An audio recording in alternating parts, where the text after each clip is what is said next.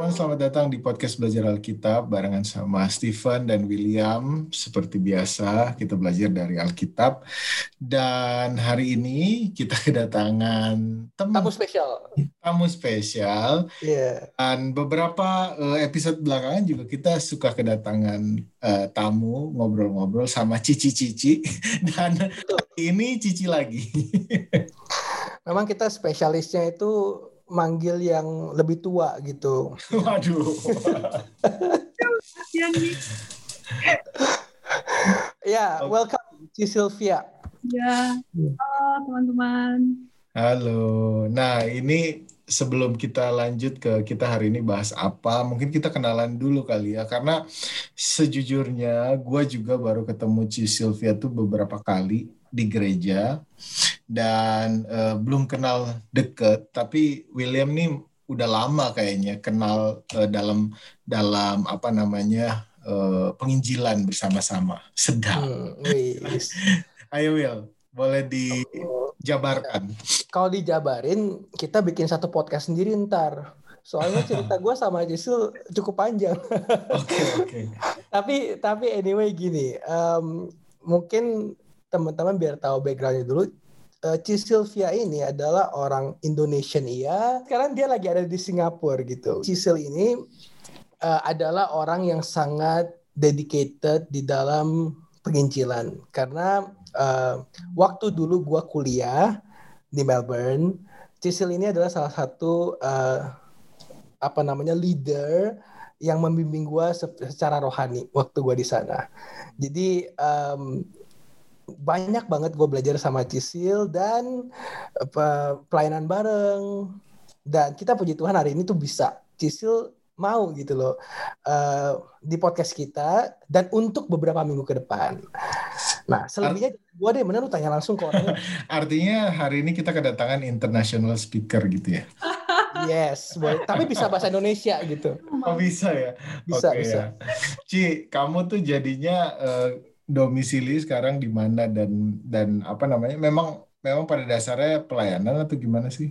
Oh, eh, enggak. Saya sekarang eh, di Singapura Hmm.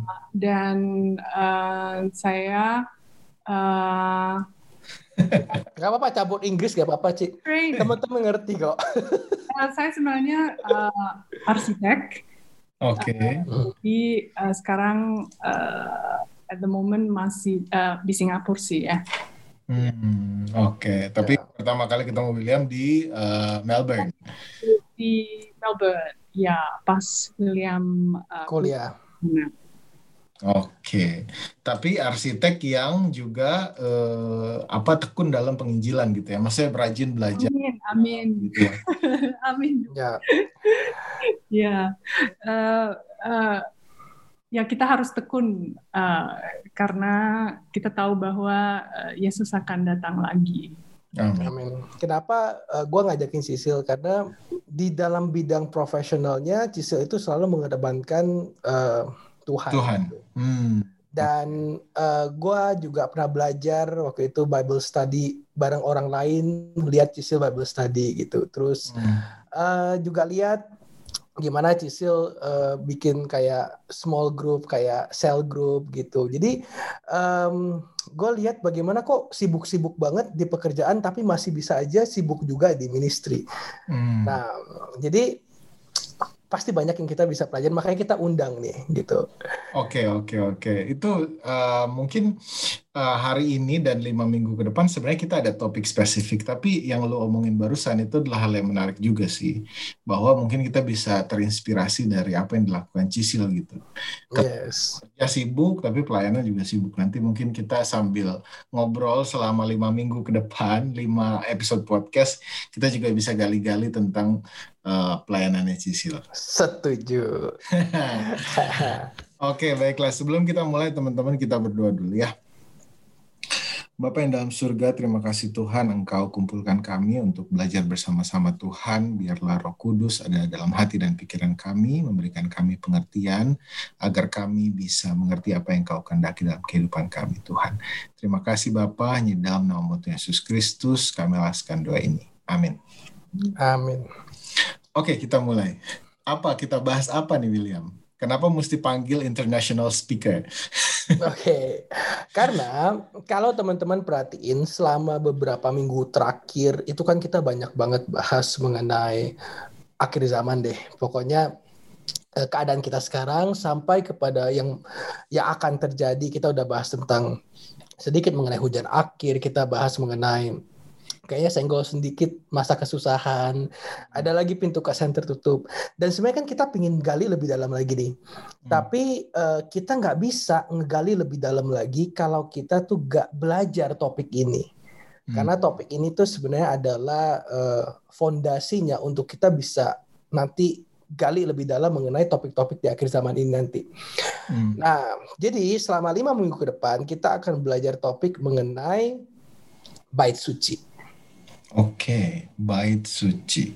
Ya, hmm. uh, mungkin teman-teman ada yang familiar, ada yang enggak. Tapi bait suci itu bahasa Inggrisnya sanctuary. Kalau di Alkitab sih lebih lebih sering ya kalau di bahasa Inggris kata sanctuary gitu. Tapi hmm. kalau di di bahasa Indonesia tuh kadang ada bait suci, kalau di perjanjian lama bilangnya tempat kudus, bisa kemah, kemah suci yeah. ya. Ada uh, orang juga bisa bilangnya Ka'bah. Uh, ya ini sering kita temuin di perjanjian lama. Hmm, Oke, okay. dan mungkin langsung pertanyaannya yang pertama ini jatuh kepada international speaker kita. Kenapa kita harus belajar tentang bait suci ini? Apa apa sangkut pautnya? Uh, sebenarnya uh, sebagai seorang arsitek tuh uh, sangat menarik ya melihat uh, bahwa tuh uh, ini adalah satu apa mungkin uh, building yang dari dari masa dulu gitu Jadinya hmm. uh, sesuatu yang menarik. Kita bisa lihat berapa detailnya. Buat saya sih lihatnya berapa detailnya Tuhan memberikan um, uh, petunjuk-petunjuknya gitu loh. Hmm. Tapi paling penting uh, kenapa kita harus belajar? Uh, karena simple aja, dia tuh uh, mengungkapkan rencana keselamatan. Hmm. Kok bisa tuh kayak gitu, Ci? Uh, coba kita buka ke Mazmur 77:13. Oke, gue bacain ya.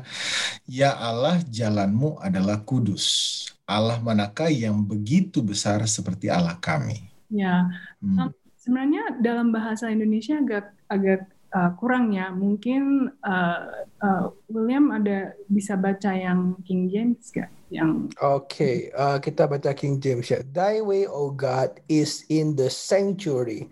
Who is so great a God as our God? Nah, kalau misalnya kita lihat King James uh, atau uh, yang bahasa Indonesia juga sama bahwa jalanmu adalah kudus atau Thy way, O God, is in the sanctuary. So God's way is in the sanctuary. Hmm. Kenapa kita harus belajar? Karena jalannya ada di sana gitu. Hmm. Um, oke oke. Okay. Bahasa Inggrisnya le lebih nyambung sih, karena kalau yeah. apa namanya bahasa Indonesia-nya jalanmu adalah kudus, sedangkan pengertiannya adalah kemah suci, tempat kudus, Ka'bah gitu. Hmm. Di bahasa Inggrisnya langsung uh, sanctuary ya. Jadi artinya kalau kita belajar bait suci, kita akan mengerti jalannya Tuhan. Kayaknya hmm. begitu ya kalau lihat dari bahasa Inggrisnya.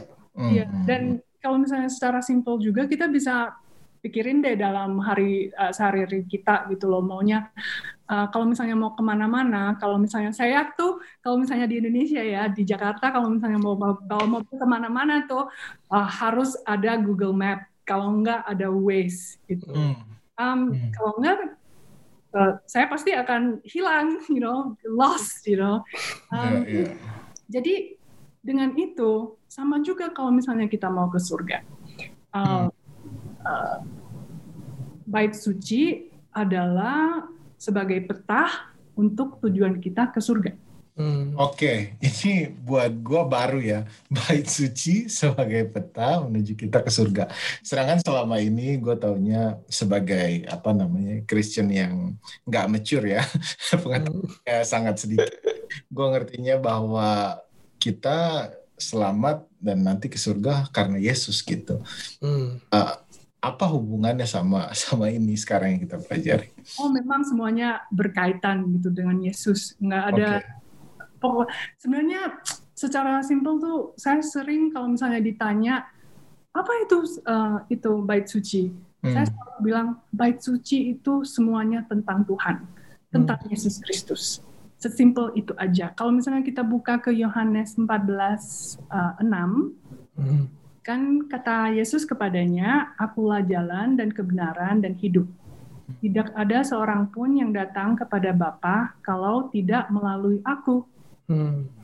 Oke. Okay. Bukankah itu sudah uh, memberitahu kita bahwa tu, hanya Tuhan, hanya uh, Yesus jalannya. Hmm. Ya, ya, ya, ya. Dan kalau ayat itu bilang tadi bahwa jalanmu ya Tuhan ada di dalam sanctuary atau ada di dalam bait suci, itu perjanjian lama ya. Hmm. Um, tapi di perjanjian baru di Yohanes bilang satu-satunya jalan adalah Yesus. Berarti bait suci harusnya ngomongin tentang Yesus dong. Hmm. Atau dia paralel. Karena kalau nggak Alkitab akan berseberangan dong atau contradict itself gitu kan. Oh, itu hmm. Um, hmm. Kalau misalnya kita uh, maksudnya dalam lima kita nggak mungkin dalam satu minggu bisa langsung mengerti ya. Yeah. uh, buat saya sendiri aja uh, untuk mengenal bait suci uh, perlu waktu juga. Tapi mudah-mudahan dalam lima minggu ini kita bisa diskusi, bisa uh, cerita, dan teman-teman juga bisa melihat bahwa wow benar-benar bait suci itu adalah tentang Yesus. Oke, hmm. oke, oke. Okay. Karena buat gua uh, sekarang masih belum dapet puzzle-nya. Karena mungkin kebayangnya kayak gini, Yesus uh, sebagai Tuhan, tapi juga sebagai manusia. Bait suci uh, ya, tempat. building ya kan? Ya bangunan. bangunan gitu. Apa hubungannya? Tapi nanti kita akan belajar sama-sama dan mungkin ini juga jadi apa ya rasa penasaran yang sama kayak teman-teman yang denger. Gue yang akan mewakili teman-teman uh, uh, international speaker kita yang akan menjelaskan dan juga William coba bantu untuk memberi pengertian kepada kita. Oke kita sekarang bisa lanjut ke tapi uh, kenapa harus harus belajar bait suci kan tadi udah udah kita coba jabarin gitu. Cuma ini masalahnya lagi-lagi kan kita selalu bilang bahwa Yesus itu perjanjian baru, bait suci perjanjian lama. Hmm. Apakah memang uh, ada sangkut pautnya? Misalkan di dalam bait suci itu apakah ada something yang represent Tuhan Yesus gitu? Adakah orang yang represent Tuhan Yesus ataukah apa ataukah semuanya kayak tadi dibilang? Apakah kita harus belajar satu persatu hari ini? Um, sebenarnya saya bisa bilang sih uh, seluruhnya. Hmm. um, tapi uh, ya karena waktu kita nggak bisa belajar semuanya. Jadi kita belajar yang poin-poin yang uh, yang lebih apa kelihatan gitu ya dari uh, dari yang bisa kita belajar dari sana. Um, ya. Oke, oke. Tapi nanti selama beberapa minggu depan kita bakal pelajarin kan Ci, karena kayaknya kita harus ngejawab deh jawaban ini. Kita harus eh, kalau enggak kan kayak jangan sampai ngambang nih kita ditinggalin nih. Ya, pasti, pasti, uh, pasti tidak mungkin uh, kalian nggak akan lihat bahwa um, kita tahu bahwa Tuhan kita itu sangat uh, it's a God of order, it's a God of detail gitu. Kan uh, buat kita sebagai arsitek kita bilang you know God is in the detail. Kan mm. so so sama juga di di bait suci bahwa God is in the detail. Um, di di setiap um, apa uh, uh, apa uh, kayak detail-detail kecil itu sebenarnya Tuhan juga memberikan itu. Oke. Okay. Hmm. Nah mungkin sekarang kita uh, kalau gua pengennya sekarang sebelum kita lanjut ke detail mungkin nanti di bawah ada kita belajar soal bait suci itu terbentuk dari apa aja berapa luas dan apa segala macam bahannya gitu. Tapi ada satu hal yang menarik yang gue pernah tahu bahwa di bait suci itu ada seorang imam. Hmm. Nah di nah imam ini kan saat satu-satunya maksudnya yang menurut gue ya bisalah digambarkan sama Tuhan Yesus similar lah sama-sama manusia Tuhan Yesus datang ke bumi jadi manusia gitu. Nah apakah imam ini uh, represent Tuhan Yesus untuk di bait suci gitu? Hmm. Hmm. Um, coba kita buka, um, uh, kita baca dari Alkitab uh, di Ibrani 4:15. Ibrani 4 Wah, mesti buka dulu. Will? Oke, siap. Ibrani 4 ayat 15. Sebab imam besar yang kita punya bukanlah imam besar yang tidak dapat merut, uh, turut merasakan kelemahan-kelemahan kita. Sebaliknya Hmm. sama dengan kita, ia telah dicobai hanya tidak berbuat dosa. Oke. Nah, siapa dia? Yesus. Yesus. Yesus. Kita tahu bahwa dia itu Yesus Um, dan Yesus di uh, apa dipanggil imam besar. Hmm. Nah, kalau misalnya kita teruskan lagi di uh, Ibrani 8 uh, 1 sampai 2. 1 Oke. dan 2. Inti segala yang kita bicarakan itu ialah kita mempunyai imam besar yang demikian, yang duduk di sebelah kanan tahta yang maha besar di sorga, dan yang melayani ibadah di tempat kudus, yaitu di dalam kemah sejati, yang didirikan oleh Tuhan dan bukan oleh manusia. Uh, nah, kita bisa lihat di sini bahwa kita mempunyai imam besar. Kita tahu bahwa imam besar itu adalah Yesus. Hmm. Tetapi ada detail yang kita bisa baca dari Ibrani 8 1 uh, sampai 2 bahwa Hmm. dia duduk di sebelah kanan tahta yang maha besar di surga, Hmm. melayani ibadah di tempat kudus yang didirikan oleh Tuhan. Hmm. Uh, ini memberikan kita uh, detail yang lebih, uh, maksudnya mungkin bukan detail ya, a bigger picture gitu loh. Uh, menurut kalian uh, dari dua ayat ini memberitahukan kita apa? Ya, Ya. jelas sih, Ci. Soalnya di kalau bahasa Inggris itu dibilang uh, a minister uh, apa ini? A minister of the sanctuary. Jadi Yesus itu adalah imam besar dari bait suci yang ada di surga, gitu loh. Dan em, kita yang kita mau belajar adalah bait suci yang ada di bumi waktu zaman bangsa Israel gitu kan. Jadi kayak ada similarity gitu ya bahwa imam besar kayak play a role gitu di situ. Nah, kita bisa lihat bahwa kita kan belajar tuh bait suci yang didirikan uh, waktu Tuhan memberikan petunjuk tuh ke Musa. Uh. Tapi sebenarnya uh, di Ibrani 8 ini memberitahu kita bahwa hang on gitu loh.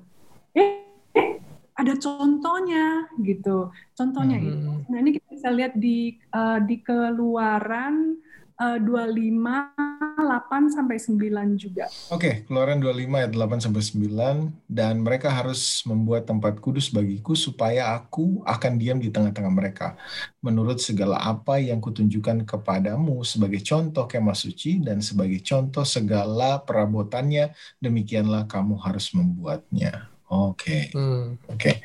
Nah, dari sini kan jelas ya bahwa sebenarnya oh di surga itu juga ada bait suci Hmm. Uh, dan uh, Musa itu diberikan um, uh, Petunjuk. ya untuk membuat bait suci yang contoh yang sama gitu. Hmm. Berarti kita nggak boleh ya bilang bahwa ah bait suci itu outdated itu di zaman bangsa Israel. Kita nggak bisa belajar apa pun dari situ. Buktinya itu dibuat sebagai contoh yang ada di surga gitu kan. Dan surga itu kan is uh, udah ada dari sebelum dunia dijadikan bahkan setelah nanti dunia hancur pun surga tetap ada gitu. Jadi paling sebenarnya waktu itu Musa dikasih yang sangat updated ya. Pasti ada sesuatu yang Tuhan mau tunjukin melalui bait suci itu ke bangsa Israel. Betul. Um, dan mm, sebenarnya kadang-kadang kita uh, sering uh, apa dengar gitu loh. Oh, kenapa kita harus uh, belajar dari perjanjian lama? Kenapa kita harus uh, baca dari sana? Uh, sebenarnya kita kadang-kadang lupa bahwa um, Yesus sendiri aja membaca dari perjanjian lama. Hmm. Uh, seperti uh, di Lukas 24 gitu loh, dua- uh, 27 sama uh, 44. Uh, kan uh, dia bilang uh, Inilah perkataanku yang telah kukatakan kepadamu ketika aku masih bersama-sama dengan kamu, yakni bahwa harus digenapi semua yang ada tertulis tentang aku dalam kitab Taurat Musa dan kitab kitab nabi-nabi dan kitab Mazmur. Hmm. Oke, jadi sebenarnya pengajarannya juga nggak ditinggalkan yang kitab-kitab Musa, kitab para nabi dan uh, apa namanya kitab-kitab Taurat ya, uh, nabi dan kitab Mazmur ya nggak ditinggalin sama sekali ya. Iya. Uh, jadi you know the more um, lebih lagi bahwa kita harus belajar um, sesuatu yang berada di surga. Hmm. Ya, ya, ya. Dan dengan kita belajar bait suci yang pernah ada di bumi ini waktu zaman Musa, artinya kita harusnya bakal bisa lebih ngerti lagi ya tentang yang di surga kayak apa karena itu replika gitu kan dari apa yang di surga. Ya, bukan bukan saja kita belajar uh, tentang um, apa yang di surga, tetapi juga uh, belajar um, mempelajari pekerjaan imam besar kita. Hmm. Karena um, bait suci hanya bisa di uh, di mana ya dilayani ya dilayani oleh uh, imam-imam apalagi hmm. kalau misalnya kita uh, masuk ke bilik maha suci uh, di mana hanya imam besar saja yang hmm. masuk dan kita okay. tahu bahwa imam besar kita adalah Yesus Tuhan Yesus Oke, oke. Cuma ini yang jadi satu pertanyaan juga. Dulu kan ada kemah suci dibangun sama Musa, disuruh sama Tuhan. Jadi fungsinya apa ya sebenarnya? Kenapa? Ngapain disuruh bangun begituan? Karena kan it, mereka aja pindah-pindah gitu. Pindah-pindahnya berpuluh-puluh tahun gitu. Buat apa sih sebenarnya? Kan mana nanti kita belajar nih di bawah-bawah sini, mana ribet lagi bikinnya. Kalau gue sih ngeliatnya gitu, kenapa sih ribet amat? Buat apa? Itu fungsinya apa sih sebenarnya? Oh, itu aduh uh, simpel sekali. Kalau misalnya kita buka ke keluaran uh, dua hmm 25 hmm. ayat 8. Hmm. Oke, okay. dan mereka harus membuat tempat kudus bagiku supaya aku akan diam di tengah-tengah mereka. Oh, Oke, okay. jadi supaya Tuhan bersama-sama dengan umatnya. Betul. Hmm. Dan itu hanya satu tujuan buat Yesus. Yesus mau bersama kita gitu. Makanya hmm. suci itu uh, diberikan atau dipetunjukkan ke Musa. Selain itu juga pada dasarnya kayak Tuhan kita emang segitu sayangnya ya. Jadi dia memang pengen ada di tengah-tengah umatnya gitu. Hmm. Hmm. Jadi bukan cuma supaya ngingetin kita yang bebal ini, tapi emang dia mau barengan sama kita yang bebal ini gitu. Oke, okay. uh, eh, mungkin sekarang kita uh, mau lihat detailnya kali ya. Bagian-bagian dari bait suci ini. Mungkin teman-teman juga nggak uh, terlalu kebayang karena ini audio, cuma mungkin sambil teman-teman juga bisa search di internet uh, kemah suci atau uh, apa namanya bahasa Inggrisnya Sanctuary. Sanctuary. Sanctuary. Uh, dicari aja di internet. Nanti sambil dengerin podcast ini di bagian kita bahas soal detail elemen apa aja yang ada di bait suci. Elemen hmm. ada apa aja di bait suci? Uh, uh, bait suci kalau misalnya kita ke kita ke uh, keluaran deh. Kita mulai hmm. dari dulu keluaran 25 ayat 9 dan 40. Menurut segala apa yang kutujukan kepadamu sebagai contoh kemah suci dan sebagai contoh segala perabotannya, demikianlah harus kamu membuatnya. Dan ingatlah bahwa engkau membuatnya semuanya itu menurut contoh yang telah ditunjukkan kepadamu di atas gunung itu. Hmm, Oke. Okay. Jadi um, petunjuk yang dikasih uh, Tuhan itu bahwa uh, uh, Musa nggak boleh tambahin, nggak boleh modifikasi isi bait suci. Detail-detailnya harus diikuti secara apa? Um, spesifik. Spesifik gitu ya. Hmm, um, okay. Jadi uh, kalau misalnya kita mulai dulu, uh, yang pertama kita imagine gitu kan, kita imagine bahwa itu kayak kemah suci. Um, kemah kita tahu bahwa ada kemah, tapi uh, ini kemah lebih spesial lagi. uh, kemahnya di dalam kemah lagi gitu loh. Ada Hmm. kayak hmm, apa kayak uh, a, a gate ya. Uh, Ada pintu utama gitu, ada pagernya. Uh, mungkin kita ke keluaran 27, 9 uh, dan 10. Haruslah engkau membuat pelataran kemah suci untuk pelataran itu pada sebelah selatan. Harus dibuat layar dari lenan halus yang dipintal benangnya. 100 hasta panjangnya pada sisi yang satu itu. Tiang-tiangnya harus ada 20 dan alas-alas tiang itu harus ada harus 20 dan temba, uh, dari tembaga tetapi kaitan-kaitan tiang itu dan penyambung-penyambungnya harus dari perak. Wah, apa ini? ini memang memang agak agak susah ya untuk di imagine gitu loh. Uh, tapi Tuhan spesifik sekali bahwa dengan materialnya dan kita nanti akan belajar um, materialnya juga. Nanti kita akan bahas juga itu. Um, dan uh, ada apa uh, panjangnya uh, di satu sisi ada uh, itu 100 ya 100 hasta. Oke. Um, Hmm. bahasa Inggris sih 100 cubits ya. Qubits. Um, cub, one qubit is about 2.25, jadi 2 meter. Uh, Jadi satu kubik oh. 0,45 ya, meter. 4.5. So, Hmm. um, jadi satu hasta itu uh, uh, uh, 40.45 meter gitu loh. Jadi Hmm. um, kalau kalau kita lihat bahwa itu 100 hasta berarti uh, 45 meter panjangnya. 45 meter panjangnya.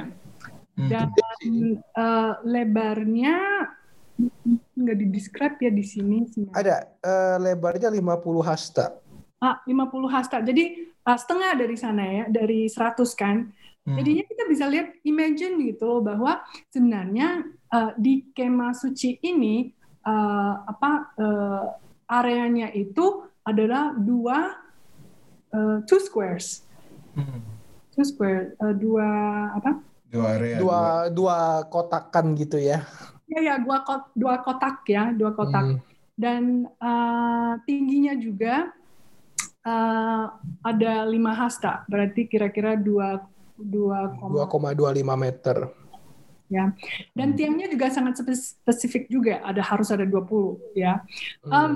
dan uh, kita lihat bahwa uh, materialnya adalah dari tembaga uh, dan penyambungnya dari emas dan uh, uh, specification bahwa di sebelah selatan tuh harus pakai uh, linen halus.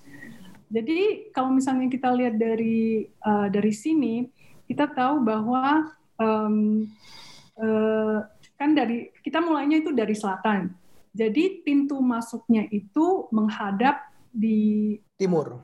East ya. sebelah timur, betul, east, Hmm. east side ya.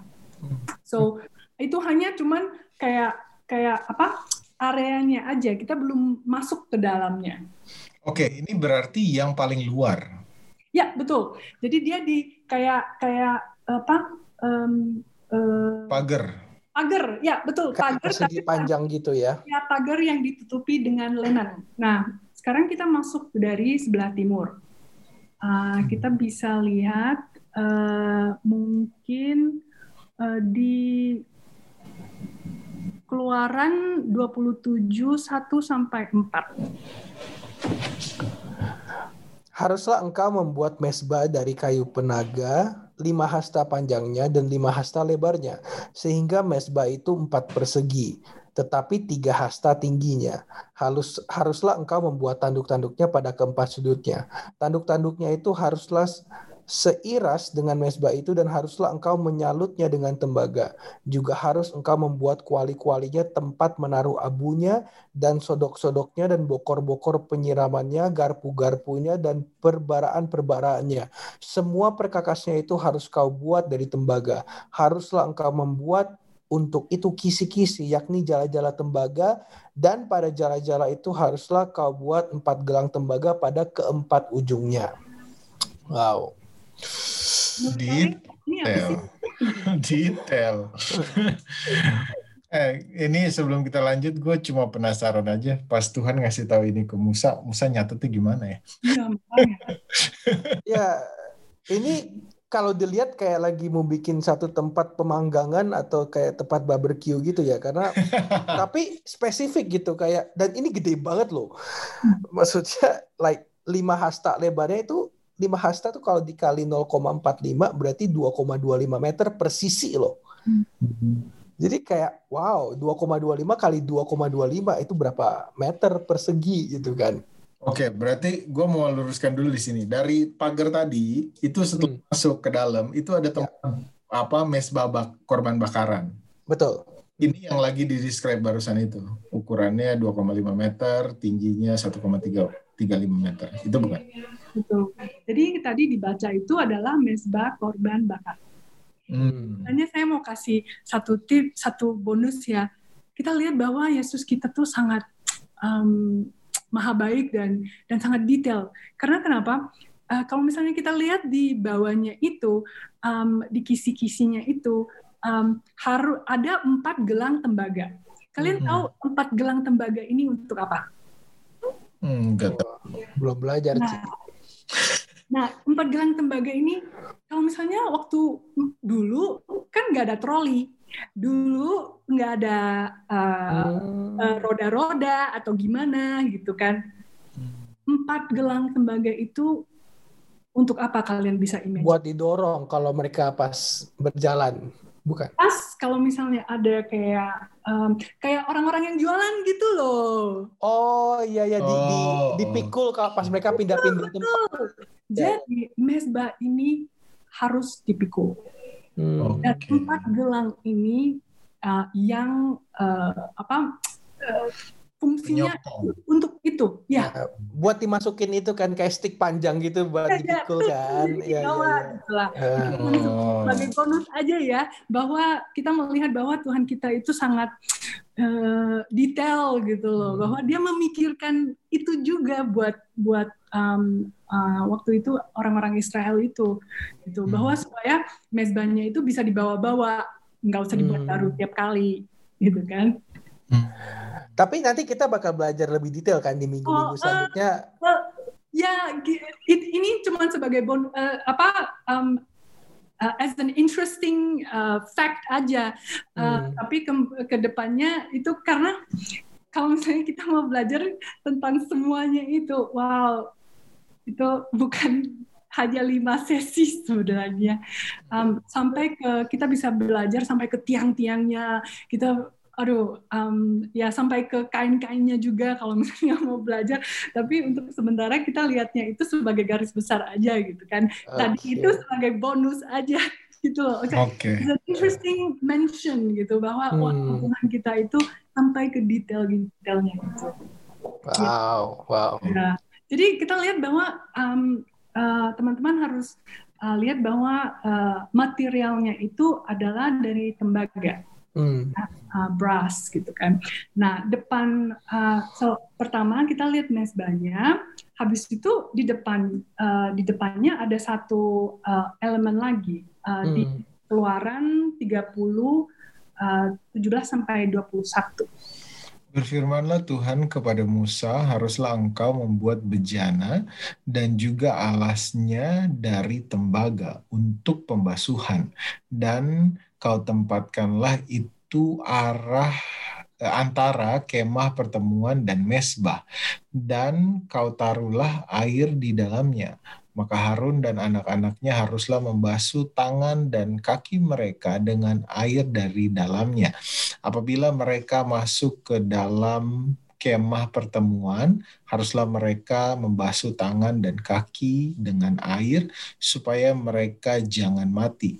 Demikianlah juga apabila mereka datang ke mesbah itu untuk menyelenggarakan kebaktian dan untuk membakar korban api-apian bagi Tuhan. Haruslah mereka membasuh tangan dan kaki mereka supaya mereka jangan mati. Itulah yang harus menjadi ketetapan bagi mereka untuk selama-lamanya, bagi dia dan bagi keturunannya turun-temurun. Hmm. Oke. Jadi setelah uh, mezbah korban, or in English we call it the altar of burnt offering. Hmm. Uh, itu uh, habis itu di depannya itu ada uh, in English we call it the leather. Gitu. Hmm. Uh, itu adalah bejana pembasuhan. Hmm. Hmm. Tadi Steven udah baca. Wow, ini adalah proses yang sangat penting sekali. Hmm. Kenapa penting? Kalau nggak dilakukan bisa mati. Iya, iya. Kalau misalnya kalian tidak membasuh, uh, tidak membersihkan diri sendiri, you will die. Hmm. Hmm. Sebelum masuk ke bilik yang suci gitu ya. Ci? Betul. Jadi di depan setelah bejana ini sebenarnya adalah sudah satu ke, eh, satu kema lagi, satu kema, benar-benar kema itu adalah kema eh, suci ya. Hmm. The the you know Uh, bilik suci. yeah the uh, because there's the the tent or the the Kemah suci. ya Ya. kemah sucinya itu gitu. Hmm. Hmm. Ya. Pertanyaan, pertanyaan. Kenapa di sini disebutinnya hanya Harun dan anak-anaknya? Ini apakah mereka adalah imam imam tadi itu? Yang bertugas di dalam kemah suci kan imam-imam kan? Apakah ini mereka Betul. Tadi tadi Stephen uh, sebenarnya sudah sudah uh, jelaskan bahwa bukan semua orang bisa masuk ke kemah suci. Hmm. Um, Oke. uh, atau sebenarnya um, bisa masuk ke uh, di luarnya sebelum Hmm. kemah sucinya gitu loh. Hmm. Tetapi kalau misalnya mau masuk ke kemah sucinya itu uh, bukan sembarang orang bisa masuk. Tapi kalau Hmm. misalnya di luar uh, masih masih bisa Uh, karena nanti uh, di depannya itu masih ada proses kayak uh, proses offering gitu kan. Jadi Hmm. uh, imam-imam yang lebih um, mungkin uh, setiap suku gitu masih bisa masuk ke uh, we call it the outer court Uh, Hmm. di apa kayak di kawasan yang di luarnya itu belum masuk ke tendanya ke kemahnya itu Iya, iya, iya. Jadi yang bisa masuk hanya uh, the high priest actually. Hmm, Oke. Imam besar. ya Oke. imam besarnya Jadi kita, kita recap sedikit ya. Jadi tadi pagar, lalu tempat eh, pembakaran korban, ya kan? Ya. Lalu habis itu eh, mesbah, eh, bejana pembasuhan. Ya. Setelah bejana pembasuhan, itu nextnya apa? Eh, apa arah selanjutnya apa? Hmm. Jadi setelah itu kita sudah ke di depan uh, kita bisa uh, imagine bahwa kita udah di depan uh, kemah sucinya. Hmm. Kemah suci itu di uh, uh, adalah kayak you know uh, very specific tenda uh, dan di sana juga ada spesifikasinya juga ya yang uh, ke depannya kita juga akan belajar. Uh, Hmm. dan setelah masuk ke bilik suci, uh, di kemah itu sebenarnya ada dua dua Uh, bilik. dua bilik, Uh, ada dua kompartemen, dua bilik. Satu adalah bilik uh, suci, suci dan satu uh, bilik maha Mas- suci. maha suci ya. Ya, the most holy place. Yes, so Hmm. uh, holy place and then the most holy place ya. Hmm. Jadi kita sekarang uh, sudah lewat uh, dari outer court dari luar masuk ke dalam ya ke dalam bilik suci. Jadi sekarang kita di uh, uh, holy place uh, bilik suci. Oke. Oke. Uh, dan di bilik suci ada tiga uh, tiga elemen yang penting. Hmm. uh, Ada apa aja di dalam situ? Uh, di sana kita baca Keluaran 25, uh, 23 dan 30. Lagi haruslah engkau membuat meja dari kayu penaga, dua hasta panjangnya, sehasta lebarnya, dan satu setengah hasta tingginya. Dan haruslah engkau tetap melet tepat eh sorry dan haruslah engkau tetap meletakkan roti sajian di atas meja di hadapanku. Oke. Jadi ada uh, meja yang ada roti sajian. Oke. Dan Jadi Artinya meja untuk naruh roti. Hmm, betul, simple, sesimpel itu aja deh. Oke. Ya. Oke. Oh, ada meja roti sajian. Oke. So, spesifik ya ukurannya harus segini. oh gitu. iya, iya, iya. Uh, itu bisa dibawa-bawa ke mana-mana juga itu. Hmm. Transportable dia. Kayunya juga spesifik loh, kayu penaga. Dan kalau kayu penaga ini aku coba research itu rupanya kayu akasia. Hmm. Di Indonesia ada nih. Kita punya. Gitu. Uh, akasia kebanyakan um, produksinya sih di Thailand yang lebih ba banyak ya. Hmm. Um, ya. Tapi di itu kayu keras banget. Ya ya, kayunya sangat sangat hardy sekali, sangat, hmm. sangat keras sekali ya. Um, Mungkin dia pikirin untuk dibawa-bawa biar gak cepet retak atau patah gitu. Iya. Jadi hmm. kita tahu bahwa ada meja roti sajian. Hmm. Ya, satu elemen yang pertama. Elemen yang kedua di Keluaran 25, 31 dan 37. Haruslah engkau membuat kandil dari emas murni, dari emas tempaan harus kandil itu dibuat. Baik kakinya, baik batangnya, kelopaknya dengan tombolnya dan kembangnya haruslah seiras dengan kandil itu. Haruslah kau buat pada kandil itu tujuh lampu dan lampu-lampu itu haruslah dipasang di atas kandil itu sehingga diterangi yang di depannya. Hmm. Oke, okay. ini apa ini? Bentuknya tujuh, terus Uh, dari emas murni. Hmm. Uh, bahasa Indonesia kandil, kandil. Ya, mungkin kaki Dian itu lebih gampang kita. Oh, ya. Uh, ya. buat kita bisa lihat bahwa itu kayak it's a candlestick basically. Ya. Oh, oke. Okay. Nah, candlestick yang untuk uh, candles gitu loh. Iya, iya, iya. Dan dia sangat spesifik sekali. Dia ada tujuh hmm. apa? Hmm. Uh, uh, tujuh batang gitu ya untuk tujuh lampu. Hmm. Ini interesting lagi sebenarnya di uh, kalau misalnya kita ke Wahyu uh, ada juga bahwa nomor tujuh itu sangat penting sekali. Hmm.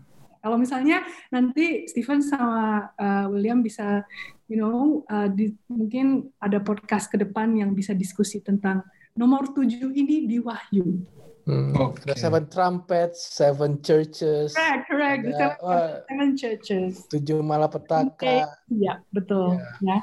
Um, jadi kita tahu bahwa oke okay, ada me me uh, meja roti sajian, keduanya adalah candlestick uh, atau kandil ya. Kaki dia. Okay. Tapi ini kok gak disebutin uh, spesifik ininya ya kayak berapa cubits-nya gitu sih. Hmm, saya juga kurang tahu sih, tapi kayaknya mungkin standar kali ya. yeah. Oke, okay. anyway, kak, uh, mungkin teman-teman yang dengar ini bentuknya kayak apa ya? Carinya apa? Keywordsnya apa kalau di Google? Uh, ketik aja sih tujuh kaki Dian ya. atau seven candlesticks. Ya. Okay. Tapi sebenarnya uh, jangan bilang dia itu tidak uh, spesifik, memang nggak ada uh, size-nya, tetapi uh, detail-detailnya yang lain sangat uh, detail sekali. Kayak hmm. Oh, nah kita harus tahu bahwa materialnya ini di luar uh, di luar outer court, ingat gak apanya mesbah, mesbah dan uh, mesbah bakaran sama bejana pembasuhan. Nah itu terbuat dari uh, tembaga. Ya, tembaga. Uh, jadi mesbahnya tembaga, bejananya juga tembaga. Nah, pas kita masuk ke kemah suci atau di bilik suci, uh, kita lihat meja, kita lihat kaki diannya dibuat dari apa? Hmm, mejanya kayu, uh, kaki diannya emas. Ya, tapi mejanya juga ada emasnya sebenarnya. Uh, hmm. Kita baca sih uh, karena um, apa uh, uh, platesnya ya. Piringnya? Piring-piringnya itu semuanya dari emas juga. Hmm.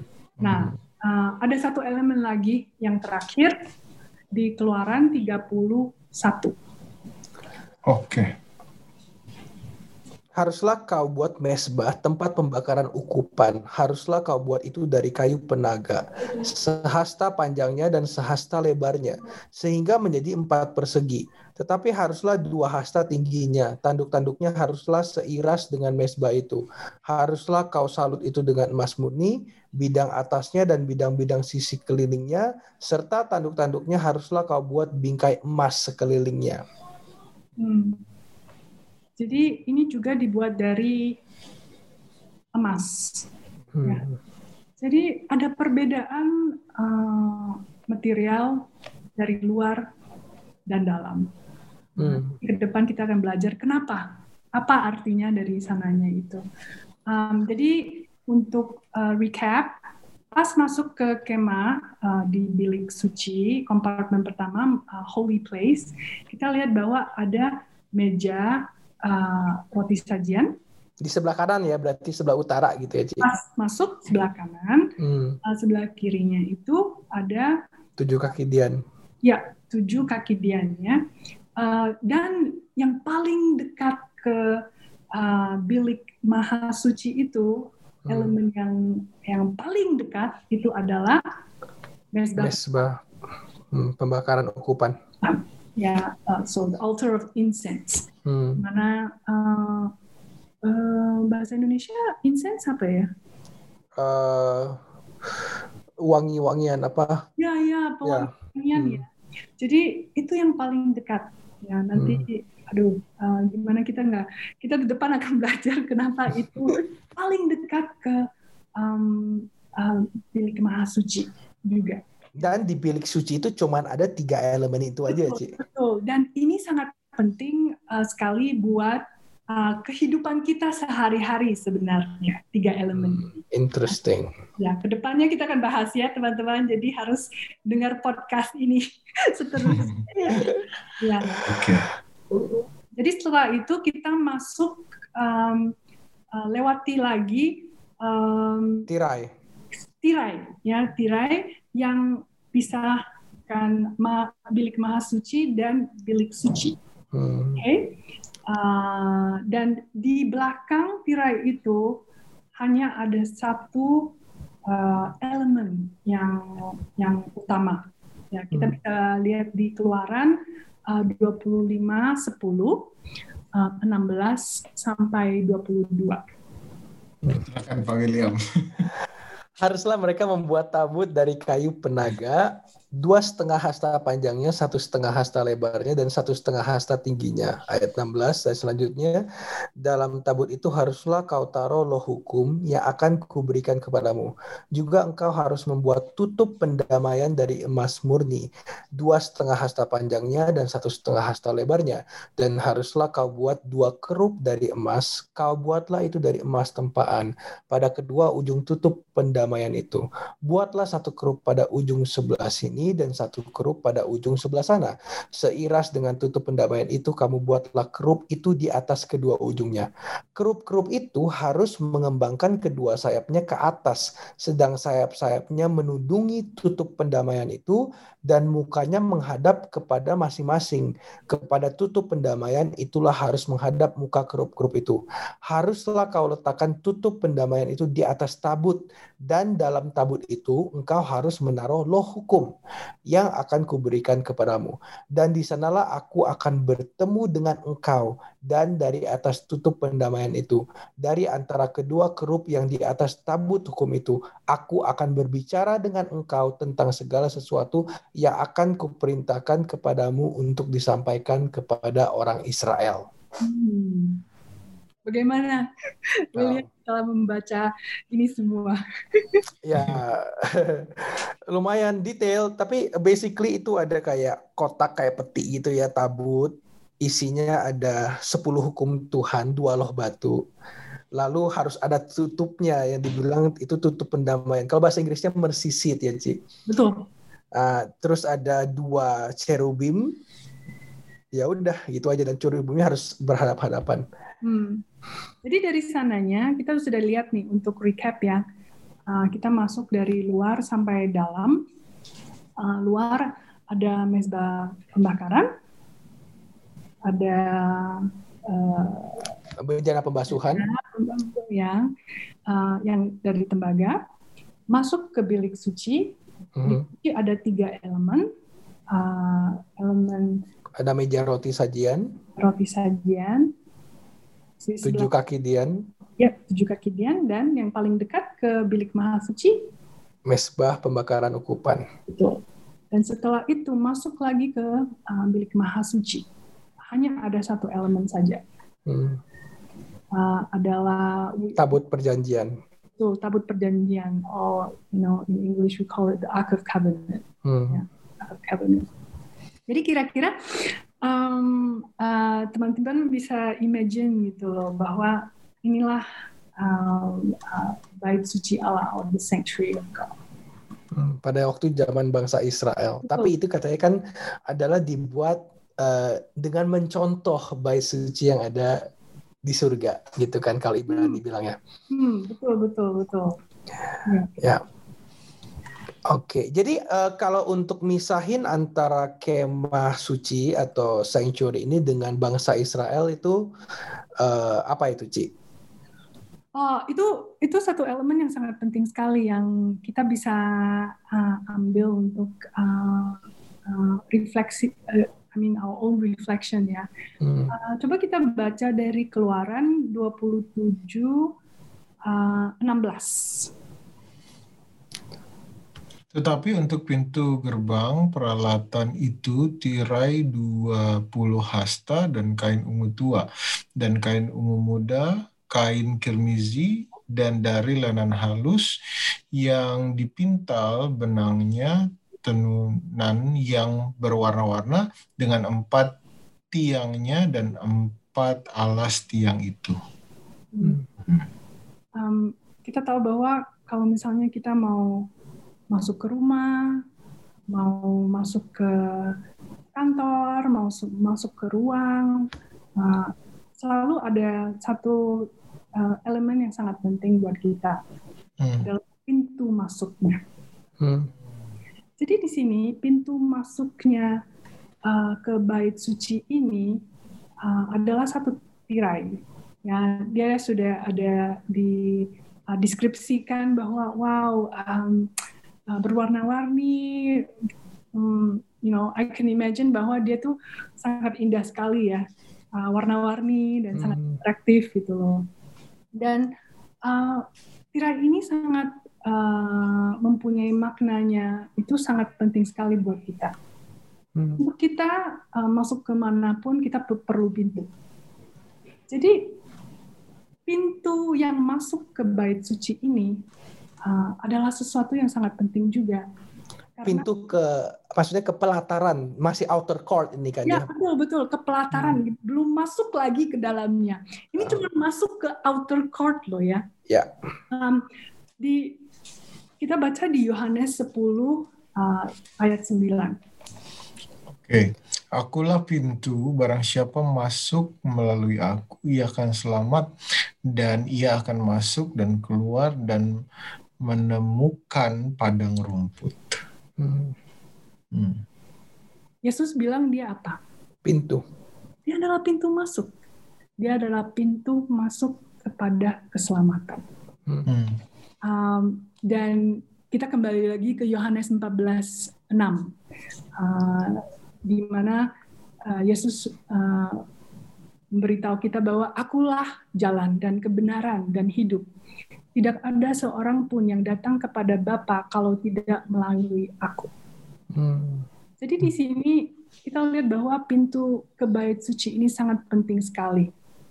Um, kita bisa bayangkan bahwa uh, kita sudah masuk ke dalam kemah ini ataupun di outer court ini uh, sebenarnya sudah uh, membawa kita masuk ke daerah kekuasaan Tuhan. Hmm. Teritorinya Tuhan gitu ya. Betul, betul. Teritorinya Tuhan. Jadi kalau misalnya kamu di luarnya apa? Ya, yeah, you're not safe. ya, yeah, not safe. Kita bisa hmm. Uh, di Efesus Efesus Efesus 2 uh, 12 uh, dan 13 bahwa waktu itu kamu tanpa Kristus tidak termasuk kewargaan Israel dan tidak mendapat bagian dalam ketentuan-ketentuan yang dijanjikan tanpa pengharapan dan tanpa Allah di dalam dunia. Tetapi sekarang di dalam Kristus Yesus kamu yang dahulu jauh sudah menjadi dekat oleh darah Kristus. Ya. Hmm. Jadi wow. Ini agak agak uh, memukul ya bahwa hmm. ada perbedaan ketika kamu di luar pintu ini ataupun di dalam uh, hmm. ketika kamu masuk ke uh, sanctuary ini gitu. Um, jadi sebenarnya teman-teman saya mau nanya, kita hari ini ada di mana? Apakah kamu di pintu, di dalam pintunya, atau di luar pintu ini? apakah Tuhan ada di hidup kalian ataupun di hidup tanpa Tuhan. Hmm. Itulah um, pertanyaan uh, yang saya mau uh, tanyakan ke teman-teman. Ya, yeah. wow. So looking forward sih karena kita um, udah belajar cukup detail. Mudah-mudahan teman-teman nggak pusing pas ngedengar ini. Um, teman-teman bisa coba uh, mungkin di Google aja gitu ya, tulis tabernacle Israel gitu atau uh, karena kalau tulis sanctuary biasa nggak keluar gitu mereka lebih pakai kata tabernacle atau bait Allah bangsa Israel gitu. Um, cuman coba mungkin lebih gampangnya cari diagram yang dua dimensi. Jadi di situ bisa kelihatan. Oke, okay. anyway hari ini kita belajar tentang bait suci dan apa aja isinya. Tapi uh, mungkin ada yang bingung. Ya udah kalau isinya itu kenapa gitu. uh, tapi nanti di episode-episode berikutnya kita akan maknanya uh, dan dan dan yang tadi kita omongin di pertama bahwa sebenarnya uh, dengan kita belajar ini mungkin kita akan lebih jelas gimana uh, kita hidup bersama Tuhan tuh kayak gimana dengan penjabaran dari uh, bait suci ini. Ya, tapi uh, mungkin gue mau tambahin dikit uh, dari tadi kan soalnya di awal kita bahas kenapa sih kita harus belajar bait suci bahwa itu adalah uh, jalan keselamatan itu adalah peta untuk kepada hmm. keselamatan. Dan padahal kita belum bahas apa-apa baru cuman uh, apa elemennya apa aja. Tapi di sini udah kelihatan beberapa similarity yang gua tangkap misalnya um, satu-satunya jalan untuk mendapatkan pengampunan dosa yaitu harus masuk ke dalam bait suci. Waktu zaman bangsa Israel. Dan kita pun hari ini kalau kita mau selamat kita cuma bisa minta ampun dosa sama Tuhan Yesus gitu itu hmm. ada similarity di situ lalu kita bisa lihat lagi um, bahwa di sini ada role sangat penting yaitu imam besar. Imam besar itu uh, ada imam dan imam besar dan mereka itu pekerjaannya penting banget dan hanya imam besar yang bisa di bilik yang maha suci. Dan ternyata tadi kita juga sempat lihat di Ibrani bahwa kita punya imam besar di surga yang melayani di bilik yang maha suci juga. Hmm. Nah, jadi um, memang sih dari sini udah kelihatan banget bahwa bait suci ini akan membantu kita untuk mengerti tentang apa yang Yesus kerjakan untuk keselamatan kita hari ini gitu. Hmm, hmm. Jadi um, gue pribadi sangat looking forward untuk uh, sesi berikutnya karena pingin karena kalau ini nggak ada hubungannya sama kita hari ini nggak ada gunanya sih kita belajar ini gitu. Hmm. Tapi kita belajar ini karena ini berguna banget dan relevan banget buat kita hari ini. Hmm. Oke, baiklah. Terima kasih international speaker kita, Cisil. Terima kasih juga William dan teman-teman yang sudah mendengarkan. Kita ketemu lagi hari Rabu depan uh, di podcast belajar Alkitab. Dan teman-teman kalau mau tanya, mau mungkin uh, dari apa episode ini atau dari episode yang lain, mau bertanya atau mau kasih masukan atau mau uh, apa curhat mungkin itu boleh di DM di podcast kita belajar Alkitab podcast atau di uh, email juga boleh di belajar Alkitab podcast at gmail.com yes. Oke okay. itulah untuk uh, kita udahin Ci Sylvia boleh berdoa buat kita? Ya bahasa Inggris juga nggak apa-apa sih berdoa. Heavenly Father who art in heaven, we'd like to praise you, God, for giving us um, a map, a map towards heaven that is practical, uh, that we can apply in our daily lives. I pray that as we study uh, more of uh, the sanctuary of the tabernacle of God, uh, may you give us the, uh, the wisdom and understanding. In Jesus' name, amen. Amen.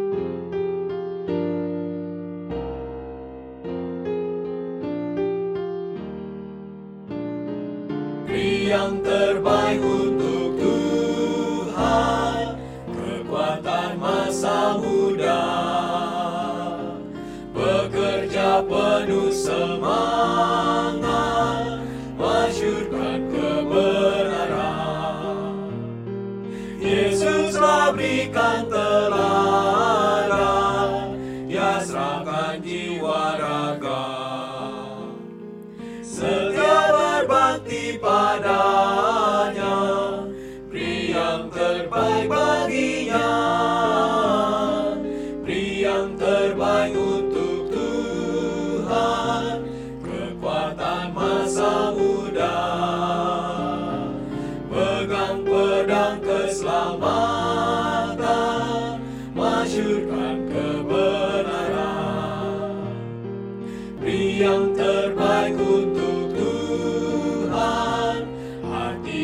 dan kekuatanmu